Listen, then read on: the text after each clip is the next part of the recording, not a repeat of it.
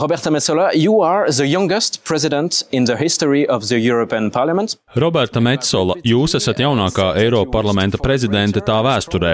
Jūs vairāk kārt esat izteikusi vēlmi pēc aktīvākas jauniešu līdzdalības mūsu demokrātiskajos procesos. Ja es jums lūgtu veltīt vienu minūti laika, lai pārliecinātu jauniešus balsot Eiropa parlamenta vēlēšanās, ko jūs viņiem sacītu? 8. vai 9. jūnijā, atkarībā no tā, kurā dalību valstī jūs dzīvojat, jums būs iespēja izvēlēties, kādam nākamajos piecos gados vajadzētu būt Eiropas un jūsu valsts kursam.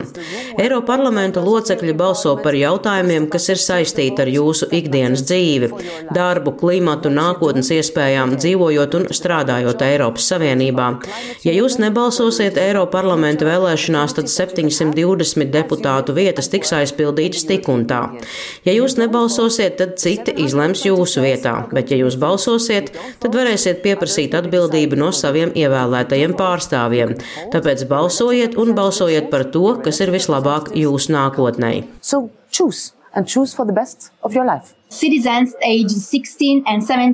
Vairākās dalībvalstīs - Austrijā, Maltā, Beļģijā, Grieķijā un Vācijā - Eiroparlamenta vēlēšanās drīkst balsot pilsoņi, kuri ir sasnieguši 16 gadu vecumu. Jūsuprāt, arī citām valstīm būtu jārīkojas tāpat? Well, first of all, uh, you mentioned my country, where 16-year-olds vote. Jūs pieminējāt manu valsti Maltu, kur 16 gadu vecumu sasniegušie drīkst balsot vēlēšanās. Es ļoti atbalstīju šo lēmumu. Es joprojām esmu pārliecināta, ka tas bija pareizs lēmums. Tāpēc ikvienā valstī, kur es tiekos ar 16 gadus veciem jauniešiem, es saku, ka viņiem ir jābūt iespējai izvēlēties, kas viņus pārstāv. Manuprāt, jauniešiem ir jābūt integrētiem pilsoniskajā sabiedrībā, lai viņi varētu izmantot savus pilsoņu tiesības un pildīt savus pilsoņu pienākumus. Ja jūs sākat vēlēt agrā vecumā, tad šo pilsoņu pienākumu apzināties visu mūžu. Tas var izklausīties klišejiski, bet mēs smagi strādājām, lai iegūtu sev tiesības vēlēt. Neaizmirsīsim, ka pasaulē ir vairāk cilvēku, kas nevar balsot par saviem līderiem, nekā to, kas var. Ja jūs jautājat 16 gadus un 25 gadus vecam cilvēkam, ko viņš sagaida no Eiropas parlamenta, ko viņš vēlas no Eiropas Savienības, tad atbildes ir atšķirīgas. Un mēs saņemam arī dažādus jautājumus no jauniešiem. Piemēram, kāpēc Eiropas Savienība nedara vairāk, lai nodrošinātu labāku pieeja izglītībai visās dalību valstīs? Kādas ir manas iespējas ceļot un dzīvot citās bloka dalību valstīs? Kāpēc ir izveidojusies ārkārtas situācija klimata jomā un Eiropas Savienība nav pietiekami ātri rīkojusies, lai to novērstu? Šos jautājumus mums katru dienu uzdod dažādi jaunieši dažādās valstīs. People, different ones in different countries. Propaganda un viltu ziņas ir kļuvušas par nozīmīgu draudu demokrātiskiem procesiem visā pasaulē. Ko Eiropas Savienība domā darīt, lai padarītu jauniešus imūnākus pret viltu ziņām un izglītotu viņus cīņā pret šo neredzamo ienaidnieku? Uh, those questions dominated um, uh, what I was asked. Jautājumi par šo tēmu dominēja manās nesenajās vizītēs Latvijā un Lietuvā, valstīs, kuras ir pieredzējušas milzīgu Krievijas propagandas pieaugumu saistībā ar kāru Ukrainā. Eiropas Savienībā ir apstiprināts digitālo pakalpojumu akts, kas uzdod regulatoriem radīt drošu digitālo telpu visu vecumu cilvēkiem, lai viņiem būtu pieeja informācijai, kas ir precīza un ko nav radījis mākslīgais intelekts. Mēs esam pieņēmuši pasaulē pirmo mākslīgā intelekta aktu. Iespējams, ka mēs tā ietekmi sāksim pamanīt nevis šī gada vēlēšanās, bet nākotnes vēlēšanās, jo pastiprinās centieni izmantot mākslīgo intelektu, lai manipulētu ar vēlētāju uzvedību un izvēli. Mēs arī redzam autokrātiski pārvaldītu trešo valstu mēģinājumus ietekmēt Eiroparlamenta darbu, tāpēc mums ir jābūt piesardzīgākiem. Nākamajiem Eiroparlamenta deputātiem tiks sniegtas instrukcijas, no kā ir jāuzmanās, kā labāk pieskatīt savus mobilās viedierīces, kā aizsargāt savus sociālo mēdīju kontus.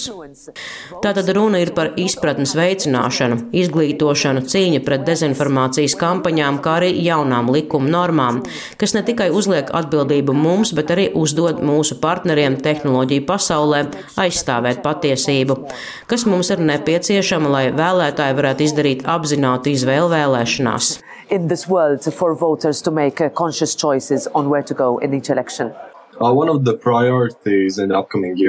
Viena no tuvāko gadu prioritātēm joprojām būs drošība.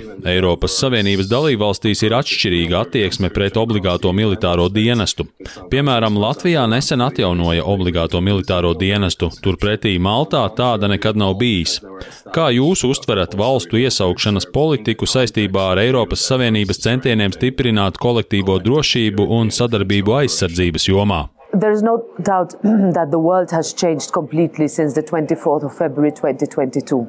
Nav šaubu, ka kopš 2022. gada 24. februāra pasaule ir pilnībā mainījusies, bet man ir jāatvainojas saviem kolēģiem Baltijas valstīs, tostarp Latvijā, kur jau ilgi pirms 2022. gada 24. februāra mūs brīdināja par to, ka Eiropas Savienībai kaimiņos atrodas ļoti agresīva ekspansionistiska valsts, kas gaida, lai atkārtot to, ko tā jau izdarīja 2008. un 2014. gadā. Putins neapstājās neapstājās 2008. gadā, un viņš neapstājās arī 2014. gadā. Neizskatās, ka viņš gatavojas apstāties arī tagad, un tas ir līdzis Eiropas Savienībai rīkoties, lai tā būtu labāk sagatavota un beidzot saprastu, ka ir vajadzīga patiesa un pienācīga aizsardzības un drošības savienība, lai nodrošinātu, ka NATO ir spējas un iespējas, kas tai vajadzīgas, lai novērstu un atturētu no iespējamiem uzbrukumiem. NATO ir pievienojusies Somija, un mēs gaidām, ka tuvākajā laikā to izdarīs arī Zviedrija, kas joprojām gaida savu pieteikumu ratifikāciju Ungārijas parlamentā. Tas mums ir svarīgi, un mēs aicinām Ungāriju to pēc iespējas drīzāk izdarīt. Tas attiecas uz NATO, taču vienlaikus tam ir milzīga nozīme mūsu diskusijās par to, kā mēs aizsargāsim sevi kā savienību. Protams, Eiropa nav vienīgā balss NATO. Liela nozīme būs tam, kāda būs ASV prezidenta vēlēšana rezultāti novembrī. Mums ir jābūt gataviem scenārijiem, ka Eiropa var palikt viena, mums tam ir jāgatavojas. Ja runājam par palīdzību Ukrainai, tad Eiropas Savienība līdz šim ir nodrošinājusi Ukrainu ar 330 tūkstošiem artilērijas lādiņu, bet pašlaik tiek ražots vēl miljonus lādiņu. Vai ar to pietiek? Nē. Vai ar to pietiks? Nē, bet mūsu apņemšanās ir nelokāma. Atgriežoties pie sākotnējā jautājuma par dalību valstīm, kurās nav obligātais militārais dienests, ir jāsaprot, ka to izlem nacionālā līmenī, To nevar diktēt Eiropas Savienība. Esmu precējusies ar Somu, un Somijā ir obligātais militārais dienests. Savukārt es nāku no Maltas, kas saskaņā ar konstitūciju ir neitrāla valsts, tāpēc tur nemaz nevar ieviest obligāto militāro dienestu. Katrai valstī ir atšķirīga situācija, bet katrai valstī arī ilgi un nopietni jādomā par savu drošību, savu pilsoņu drošību, aizsardzību un to, kā tā ir sagatavota vissliktākajam scenārijam.